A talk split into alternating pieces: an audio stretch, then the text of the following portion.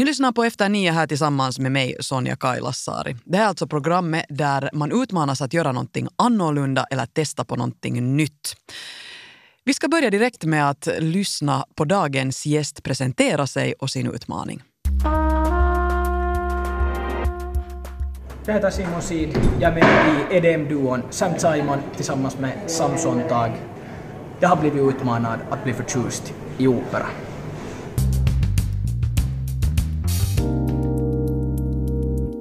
Simon Sid är alltså musiker och sångare och han ska bli förtjust i opera och bekanta sig med hela genren.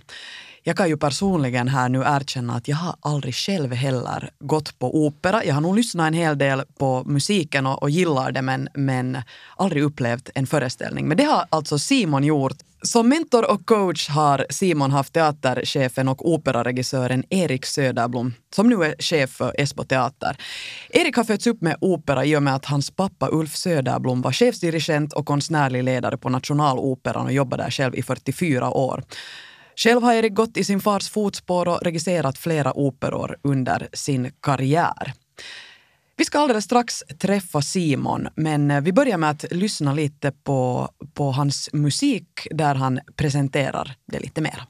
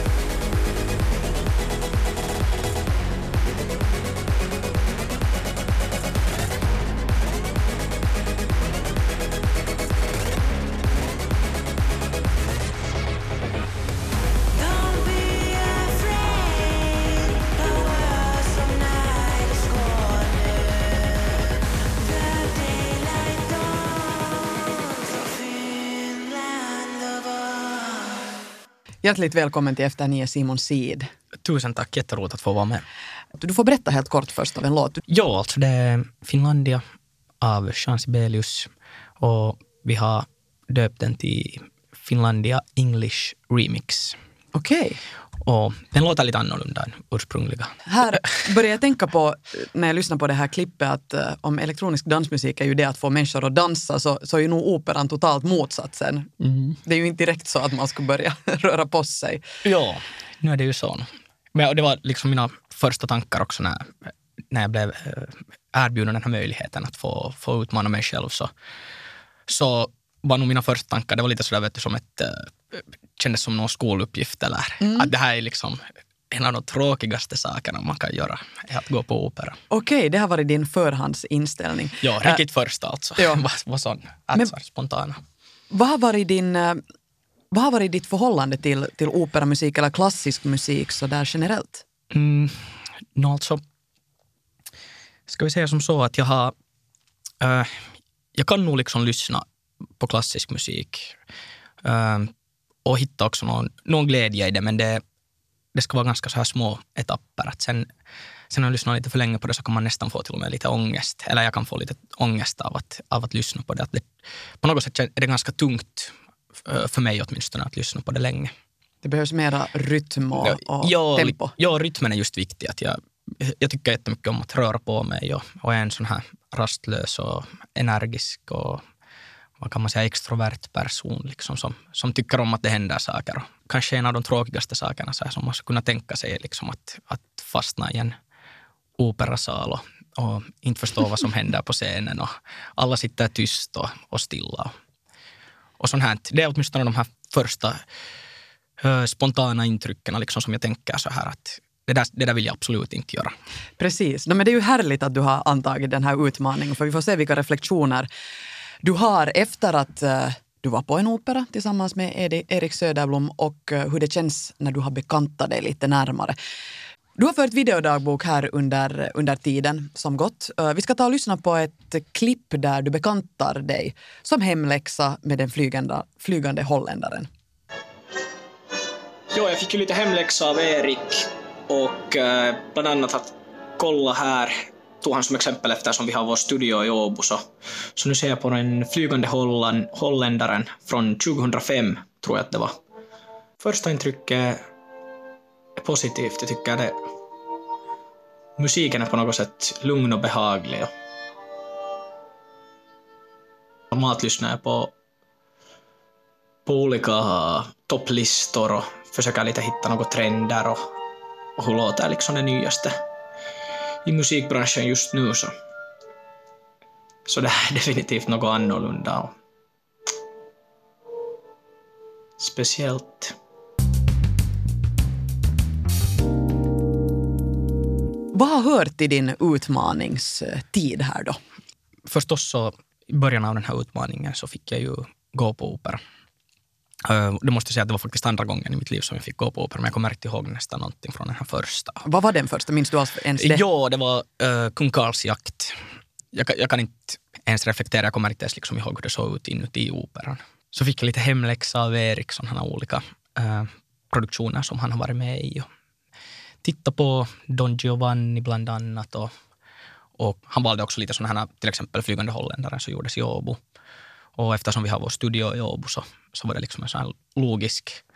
Lite Koppling. titt- ja, exakt. Att, att lite sånt. Och sen har jag försökt liksom normalt, jag tränar bland annat också EIFs fotbollsdamer och före träningarna liksom. Och, och annars också i vardagen så brukar jag lyssna på, på musik vet du, för att komma in i in the zone kan man säga.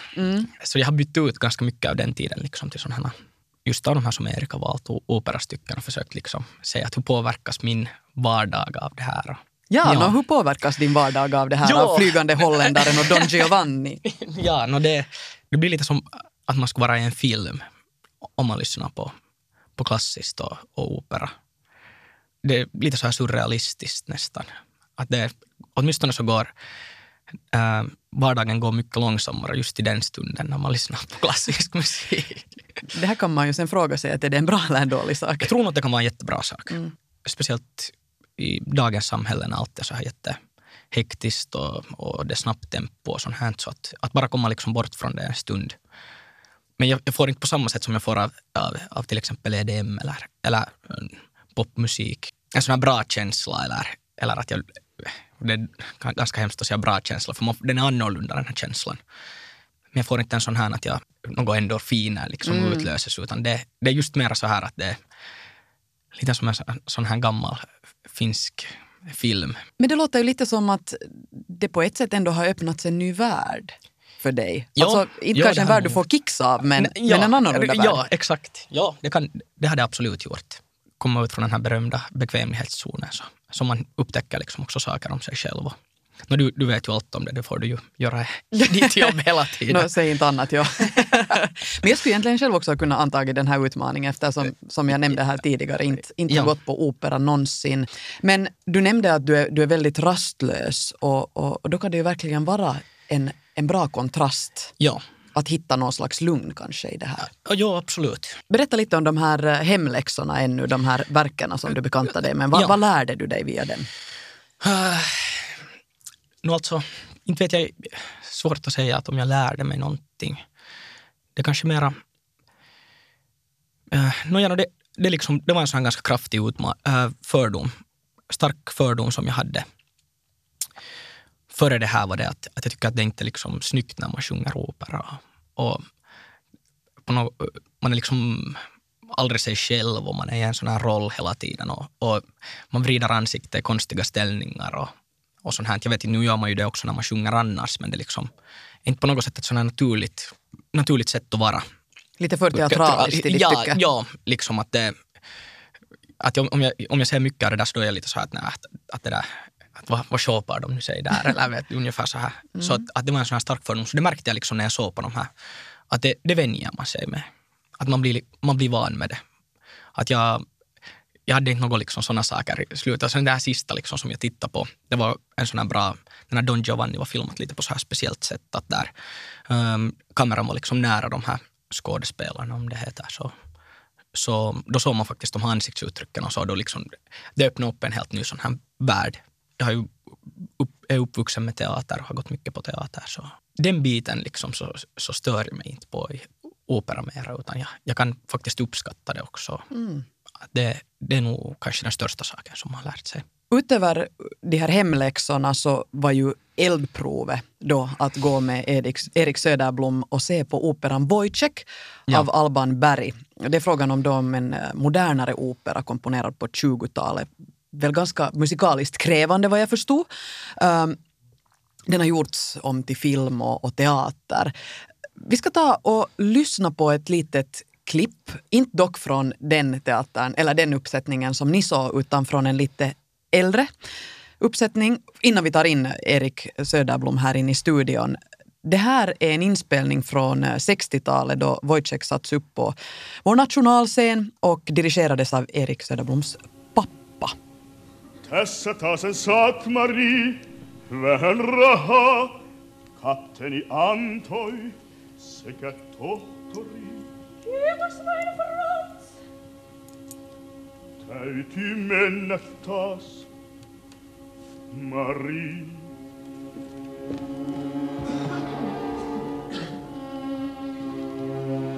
Olen vain huono ihminen.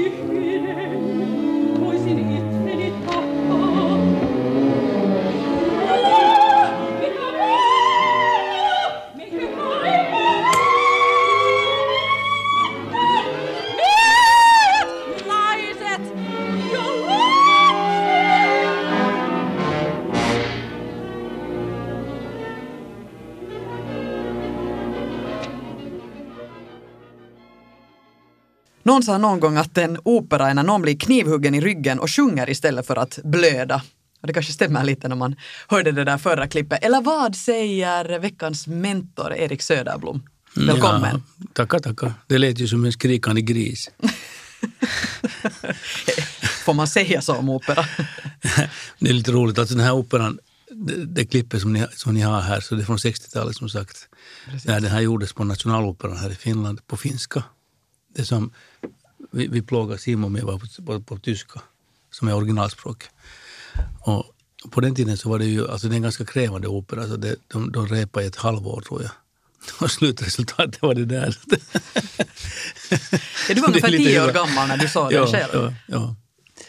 Min farsa äh, dirigerade. Mm.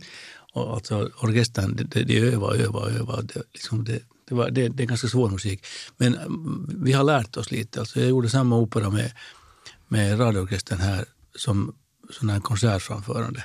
Där var, alltså, det fanns inga kulisser. Och då hade vi liksom fyra dagar repetitioner så kom de, Karita Mattila och de andra och drog det. Okej, det var lite kortare repetitionstid. Vi ska snart tala om eh, eldprovet eller när ni gick på opera då tillsammans. Men före det skulle jag vilja veta, Erik, bara att eh, vad är, vad är ditt förhållande till opera? Men det är mycket ambivalent. Jag, jag, liksom, jag är ju impregnerad med opera sen, sen, liksom, sen var jag, jag var ja, hela mitt liv. Uh, det, man, det finns en sån här myt, anekdot, att jag, jag som skulle ha varit liksom så mycket, mycket liten och sett någon, någon opera. Och så var det no, något, som hände på scenen, så då hade jag stigit upp i bänken och ropat högt att Jorita. Den lilla regissören inom dig. Ja, exakt. Till liv. börjat då det liksom blanda mig i saker som sker på scenen. Helt, helt oombedd. Men hur många operor har du sett under ditt liv då? Ja, det vet jag inte. Men jag har regisserat kanske 20. Nå, du har suttit och lyssnat på, på Simon här och hans eh, tankar kring den här utmaningen. Vilka reaktioner fick du? Nej, alltså det som är, slår mig att, att opera är, det är liksom som allt, allting, all konst, så det är ju ett spel. Jag menar, okej, det är ju konstigt liksom att folk inte bara sjunger och inte, och inte, inte talar alls. Men nu är det, om man tänker på fotboll så är det också konstigt att man bara sparkar bollen med fötterna. Det skulle vara mycket enklare att ta den i händerna. Så det är liksom bara frågan om det. Ja, vissa sen- ramar. Ja, vissa ramar, alltså vissa regler. Och det, det, man måste förstå de här reglerna för att förstå spel. Annars tror man, när man tittar på tennis och man inte vet liksom reglerna, att hela spelet finns till bara för att få domars huvud att svänga åt olika håll. Liksom. Så det, det, det är ju det det handlar om. Och sen när man förstår de här reglerna så, så förstår man. Det är det att, att, liksom att det, det finns ju tråkig och dålig fot, fotboll också. Det finns eh, tråkig och dålig opera också. Det, det, är ju, det är ju det att för- man ska, man ska inte liksom tänka på det här dåliga när man tänker på, på fotboll. Man ska inte tänka på det dåliga när man tänker på opera heller. Det, opera är ganska knepigt att göra också på ett sätt. Därför att liksom man, måste, man, måste, man måste sjunga och man måste räkna takter. Och det, det, det som de, har, de gör det på scenen. Liksom, om det är bra gjort så det på samma sätt de, de kör på, på, på, liksom, på gränsen av, av, av det som är möjligt. Och då kan det ibland hända något. Men, liksom, men, men, men samtidigt kan man säga att en fotbollsmatch där bollen aldrig liksom åker upp, uh, liksom över gränserna ut, i, ut, liksom, ut, ut från planen är jättetråkig. Man måste liksom spela så hårt att det finns en risk eller en formel om de aldrig åker där på gräset. Så det är bara tråkigt. Så en bra opera är egentligen det här eh, överraskningsmomentet, att går allt som det borde? Ja, man, att liksom man måste förstå att, att det, det är liksom ganska knepigt. Och Ja. man, man, liksom, att sjunga kräver en, en teknik på samma sätt som det kräver, kräver en teknik att spela fotboll eller tennis eller vad som helst. Om man förstår liksom här, lite om den här tekniken och vad det, gäller att andas på rätt ställe, det gäller att, liksom att få, få struphuvudet på rätt ställning för att få den tonen och den tonen. Och så måste Ja. man komma ihåg allting. Och det, det är ju samma på teater förstås. Liksom inte, inte, teater är också, ett, det är också ett spel med vissa regler. Men, men, och då är reglerna lite andra än med, med, med, med just med opera. Men sp- spelreglerna handlar det då. Det, det tycker jag liksom att eh, det jag märkt under utmaningen, det som jag aldrig trodde att jag skulle kunna göra om vi då jämför med sport. Så, så att, eh, att jag har hittat lite nog liksom sådana favoritspelare eller att, att det är någon som jag har tyckt mer om än, annan, än någon annan. Att det, det hade jag inte liksom tänkt att jag skulle göra. Att för mig var de, före utmaningen så var alla precis likadana och sjöng på samma sätt. Du hittar nyanser så Eh, att säga. ja. Berätta mera om eh, Wojciech som ni gick och tittade på på, på Nationaloperan. Alltså det heter ju inte Wojciech utan det heter Wozzeck. Wozzeck. no, jag, jag är ju inte här någon operaexpert helt tydligt.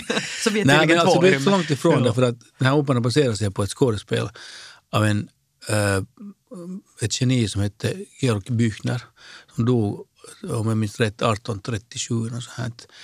Och det här, det här alltså, han, han skrev många intressanta grejer, också en avhandling om grodor. Men liksom, Okej. det lät ju intressant. men, men han, alltså, han skrev med jättelite handstil. Och man hade alltså grävt fram hans, hans liksom fragment som han lämnade efter sig när han dog. Just eh, alltså 19, nitt- i början på 1900-talet. Och 1914, om jag inte minns fel, så spelades det här skådespelet eh, som han hade skrivit då för första gången. Men då hade man inte kunnat tyda hans handstil. Så att man trodde då att skådespelet hette Wozzeck. När det egentligen heter Wojciech. Ah, Eh, och det här Alban Berg, som då inte heter Berg. no. Fan, fan, fan, Okej. Det har varit jättelätt mentor. Det, Ja, precis. Ah. han är inte från Jeppis, utan han är, från, han är någonstans från, från Österrike. Så, det, så eh, han såg det här skådespelet, ordförande av det här skådespelet 1914. Han visste genast att han skulle göra en opera. Alltså, den här operan handlar på något sätt om liksom om stämningarna före första världskriget som började precis just då. Han var själv soldat i första världskriget. Och den här operan handlar ju liksom om en, en, en, en gubbe som alla, alla pimpsar. Så blir han psykotisk och så till slut så tar, tar livet av sin hustru. Eller han, sin, sin älskade.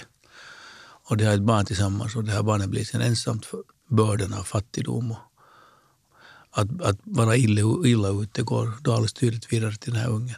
Berg då så, så han började, kom på, började fundera på den här operan 14, eller först tio år senare så fick han den färdig. Så jag tror att den urfördes 1925. Och det var den första, eller en, åtminstone en av de första så kallade atonala operor. Vad betyder atonal Atonal opera? betyder, eller atonal betyder att den inte baserar sig på, på, liksom, på tonarter utan på någonting annat. Det här med första världskriget, alltså det, det sprängde ju sönder allting. Det sprängde, I bildkonsten sprängde det sönder det här perspektivet. Så vi fick kubismen istället, där, liksom, där, där det är många perspektiv på varandra. Och världen blev så liksom komplicerad. Hela Europa sprang i bitar. Hela den gamla världen liksom exploderade. Trampades, trampades ner i gyttjan i de här ändlösa skyttegravarna och allt det hemska som hände då. Så så samma hände, hände också med samma, musiken. samma hände i musiken. Så det, det tonartssystemet som, det- som, som den tidigare musiken var baserad på så kändes inte möjligt. Det liksom motsvarar inte verkligheten. Äh, Alban Bergs lärare som heter Schönberg. så, så det här, han bestämde sig för att sluta komponera tonal musik för det, liksom, det funkar inte för honom. Det var, motsvarar inte liksom världen. Så han hittade på ett system som hette dodekafoni, alltså tolvtonssystem där han så att säga, då bestämde att när han komponerar så ska han använda alla de tolv tonerna i, i oktaven innan han använder det på nytt. Okej, vilken intressant utmaning. Ja. Och det är liksom en regel som han stä- ställer upp för sig själv och börjar komponera på det här sättet. Den här operan är visserligen inte liksom komponerad med den här tekniken men den är liksom lite influerad av, av det som hände då. Att, att det här, hela det systemet med tonarter och C-dur och, och G-dur och F-dur och alla de, så det, det sprang i bitar. Det låter som att eh, du tog Simon med på en ganska utmanande opera. Nå, den musiken är alltså, den är tuff. Alltså den är inte tråkig alls. Den, den, den liksom, det, det som de här gubbarna gjorde då, så det, det har influerat liksom all musik som har komponerats efter det. Också rockmusiken. Den, den är på det sättet liksom brutalare än vad man kunde tänka sig att musik var före det. Och, och, och den brutalitet som finns i rock till exempel så är också liksom möjlig därför att den här musiken, äh, musiken blev brutal. Ja. Du måste säga att det, det, det märkte jag just det här liksom att eh, musiken influerar. Så det, det tänkte jag på när vi var på operan. Så då var jag liksom, vi, vi har också ett, i vårt liveset så tar vi in en Rammstein-låt. Och liksom, förstås den gick ju på tyska.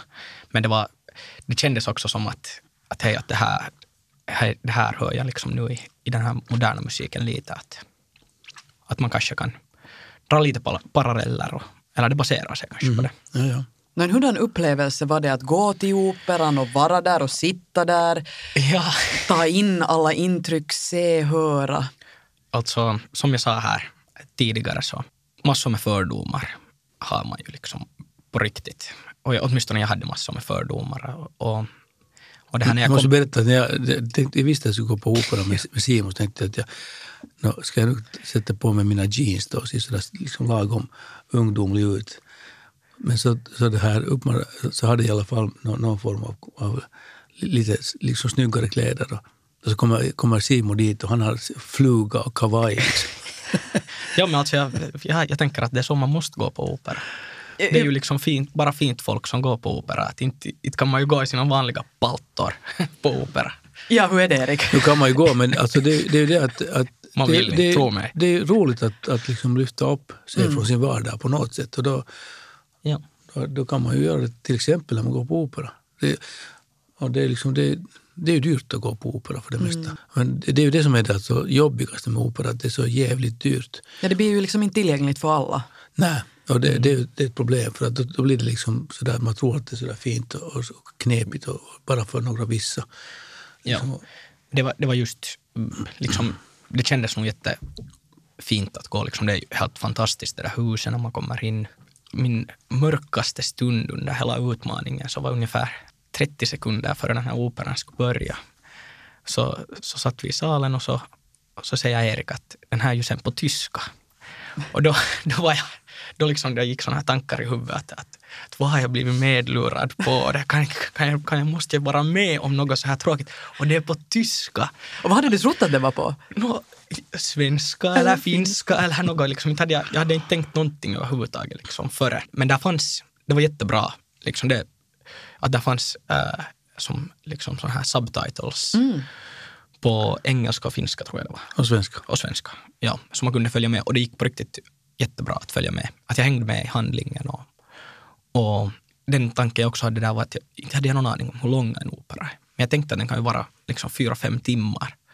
Av någon orsak så hade jag just de här mina fördomar var det att den är jättelång. Men det, det gick ganska snabbt över. Och så jag det finns en över- opera, det här Wagners opera, de är, de är superlånga, fyra, fem timmar. Det finns ju långa skådespel också, det finns långa böcker, det finns korta böcker. Den här operan är inte speciellt lång. Och det spelas ju utan paus också, så det var tror jag, liksom en, en, en timme och som en lite, lite längre film. Det har dels att göra med att liksom hela den här tittarsituationen har varit tidigare annorlunda på opera. Så det var, att när gick, man på opera så var det lite som att gå på klubb. Eh, och det var liksom så att man, man, kunde, man kunde sitta där och titta, man kunde också gå ut. Mm. Alltså det är inte så att man skulle få sitta där hela tiden. Alltså Händels opera till exempel. Så dörrarna öppnade upp, folk gick, gick ut och hade talat om vad de gjorde och så kom de tillbaka in och fortsatte. Eller så var det, hörde de något, något speciellt höga toner där inifrån. Så kom de, kom de in och lyssnade på att vem sticker den här grisen? Men Och det det här är här- ganska intressant. Det här visste jag inte. och, och, och sen alltså så var det, var det då bra, då sa de, ropade de att da capo, da capo, på nytt, på nytt, på nytt. Det, det, det är inte så att man liksom alltid har tyckt när de sjöng det att det var så jättebra att man ville höra det genast på, på, på nytt. Utan det var kanske just de som hade varit ute och inte hört det som ville höra det på nytt. Ja, det, det vill jag ännu säga att om man har möjlighet att gå på opera med Erik så då ska man definitivt göra det för att det var, han är liksom en rockstjärna där. Att det, var, det, var, det var, jag vet inte, det var gamla operachefer och Valtteri Torikka och det kom liksom, den ena med den femte kom fram och så var det jätteroligt för Erik tog jättebra hand om mig. Liksom för det, det här var en sån sak som jag hade lite ångest för och var lite rädd för att, att hur malplacerad kommer jag att vara på operan. Men Erik tog helt superbra. Liksom. Det hade ingen skillnad vem det var som kom, så sa han att det här är min kompis Simon, han hatar opera. så, och det var, det var liksom, det var, det var, det hade ingen skillnad vem som kom, så de, var, de blev på uppriktigt blev de lite så här till sig och ville, det inledde en diskussion. Så man kände sig liksom att det var... Det Vilken bra icebreaker. Ja, ja, det var jättebra. Och det, var, liksom, det här gjorde hela den här upplevelsen liksom på riktigt jättebehaglig. Att man, man kände att man, man fick vara där och framförallt också det här människor liksom brydde sig på något sätt om att man var där. Liksom för att Erik tog hand om en. Plus att Erik, det här som vi märker är ju att det kan ju lyssna hur länge som helst liksom på de här när han berättar om det och, och fyller i en. Så man, man får den där upplevelsen lite extra tycker jag, när man har Om, Erik om, med om sig. det är någon som har lyssnat på det här som blir nyfiken så kan jag berätta att liksom det här som, som du talar om, alltså Flygande holländaren Ja. Och också Don Giovanni som nämndes. Så de, de, eh, jag har en webbsajt, www.eriksoderblom.com om jag inte minns fel. Och de finns där. Och att, att, att se liksom, det, jag har plockat in dem där och det, vem som helst kan se på dem. Den Don Giovanni, alltså man kan göra opera på flera sätt. I Don Giovanni, där Torikka förresten var, var det här Don Giovanni, Ja. så gjorde vi så att de- sångarna fotograferade sig själva och varandra med, med trådlösa mobiltelefon. Och, och, och det här projicerar vi liksom på, ut i salen. Så att man, de som satt där kunde se liksom att okej, sångarna sjöng där och så här och, och fotograferade varandra. Och också kunde se liksom sångarens synvinkel. Och det var ganska hyvä. ja. det har ju brutit, eller Ja, ja, det är ett intressant sätt ja. att bryta lite mot. Men, men det här flygande holländaren som skedde i Åbo så parkerade vi alltså Suomen Joutsen och Sigyn mot varandra med förarna mot varandra där på Åstranden och byggde den här scenen liksom mellan de här skeppen. Orkestern satt på en prom liksom under scenen så man såg inte alls Mm. orkestern. Och, och så byggde vi liksom en, en, en, en scen runt där som var 40 meter bred, så jättelång. Tre, tre, fyra, supersnyggt. 4 000 personer. Och där, alltså, då, var det, då, då hade vi parkourtyper från Volvo och kliva i masterna och Ja. vad som helst. Så det är liksom, Okej.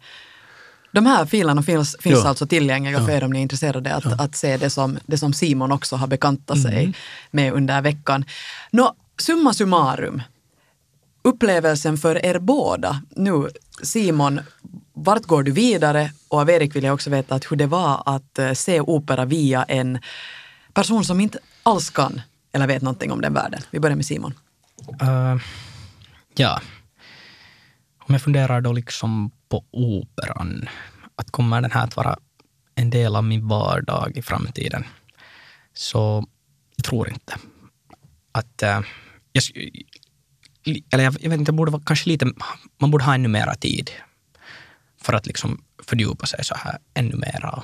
Men det kan nog hända att jag sätter på något operastycke och tar den här lilla filmsnutten i min vardag när man inte Ja, eller om inte du gör det så, så vad om du skulle gå på opera en gång per två år? Kanske det, ja. Det Uppleva det på nytt? Ja, det kan hända. Kanske? Kanske. Jag, jag, visst, vi lämnar ett starkt kanske Okej, där. okej. Nej men alltså, det, det, det finns något speciellt med opera, alltså med det här att man sjunger. Alltså en sjungande människa, en mm. sångröst är något speciellt som går, träffar någonting ganska djupt liksom i, i, i själen när det går rätt. Sen när det går fel så är det ju bara konstlat och konst, konstigt. Men, men liksom, den, alltså en skådespelares liksom yrkesjag, inte, inte liksom den privata åldern, men liksom den, den alltså ålder som, som man arbetar med när man skådespelar är liksom sådär pubertetisk, 15, 16, 17. Frågor, liksom e-, existentiella, existentiella frågor, liksom, vem är jag? Ska jag, ska jag ta livet av mig själv eller inte? To be or not to be. Liksom. Men däremot alltså en, en sångares liksom yrk, yrkesålder är sådär fy- fyra, fem, sex, sju, sådär lekskoleålder. Där alltså saker kan vara extremt kän- känslodramatiska. Liksom. Någon tar min spade och liksom, dagen är förstörd. Ja. Så är det liksom den typens väldigt liksom, på sätt och vis liksom primitiva eller, eller liksom djupt liggande, eh, naiv är fel ord, men, men liksom känslor som, som alltså är överväldigande på samma sätt som känslor, alltså ba, ba, ba, ett, ett barns liksom, känsloliv är överväldigande. Och, och, de finns på något sätt med i, i, i, op, i opera som, som konstart. Jag själv är mycket, mycket mer kritiskt inställd till opera än vad jag upplever att Simon är, så det går liksom lite fel. ja, det, det kan nog bra hända. Men vi har ju märkt att du sitter på en massa kunskap och, och, och det i mitt tycke gör det allt mer intressant när man märker vad allt där finns Mm. Ja, runt ja, omkring och historien Ja. Och, och vad man borde liksom lägga märke till. Men härligt att det har öppnat sig en ny värld. Om den här världen blir en del av din vardag får vi se. Simon. Jag utmanar dig Simon nu härmed och alla, alla lyssnare också. Därför att alltså faktiskt eh, inkommande vecka eh, så spelar vi alltså i Esbo stadsteater en modern opera. Okej, En fin, finsk opera som heter som är alltså skriven och komponerad och framförs på engelska som heter Flash Flash, The Two Deaths of Andy Warhol. Som handlar liksom om, om Andy Warhols två dödar. Han dog två gånger. Först när Solana sköt honom, och då var han kliniskt död ett tag, så lappade de ihop honom. Så dog, dog han på riktigt, alltså 87 i New York. Och den här operan utspelar sig liksom i, i, det sjukhusrum som han då befann sig i när han dog. Och han, liksom, han, är, han är drogad och, och, och, och vimsig och han, han liksom tror sig befinna sig på en opera. Han ser sig omkring. Och sen till slut så visar det att han är faktiskt på en opera, att han är huvudfigur i den här operan. Som man då märker till slut. okej. Så den här går på Esbo teater då, ja. Nu i slutet av våren. Den alltså går fyra föreställningar, den 7, 8, 10 och 11. Okej. Och, och där alltså det är en liten or orkester på, på sex personer, sju personer på scenen. Fem sångare och en, en steppdansare. Och det, det är ganska tuff musik. Den, alltså, en komponisten heter Juhani Nuorvala. Och, och han, det är komponerat så att, att han använt ett slags eh, lite annorlunda system han också. Det kallas liksom extended pure intonation. Vilket, vilket då i praktiken leder till att i, en oktav så finns det inte 12 toner utan 43. Och det är, alltså, det är så kallad mikrotonalitet. Och det låter ganska hyvä. Okej. Nå här har ni en utmaning, kära, kära lyssnare. Tusen tack Erik Söderblom. Tusen tack Simon Sid. Tack. Det här var Efter nio för den här gången och vi tar och avslutar med ett litet klipp från operan som Erik just nämnde, nämligen Flash Flash. Tack för oss. Vi är tillbaka igen om en vecka.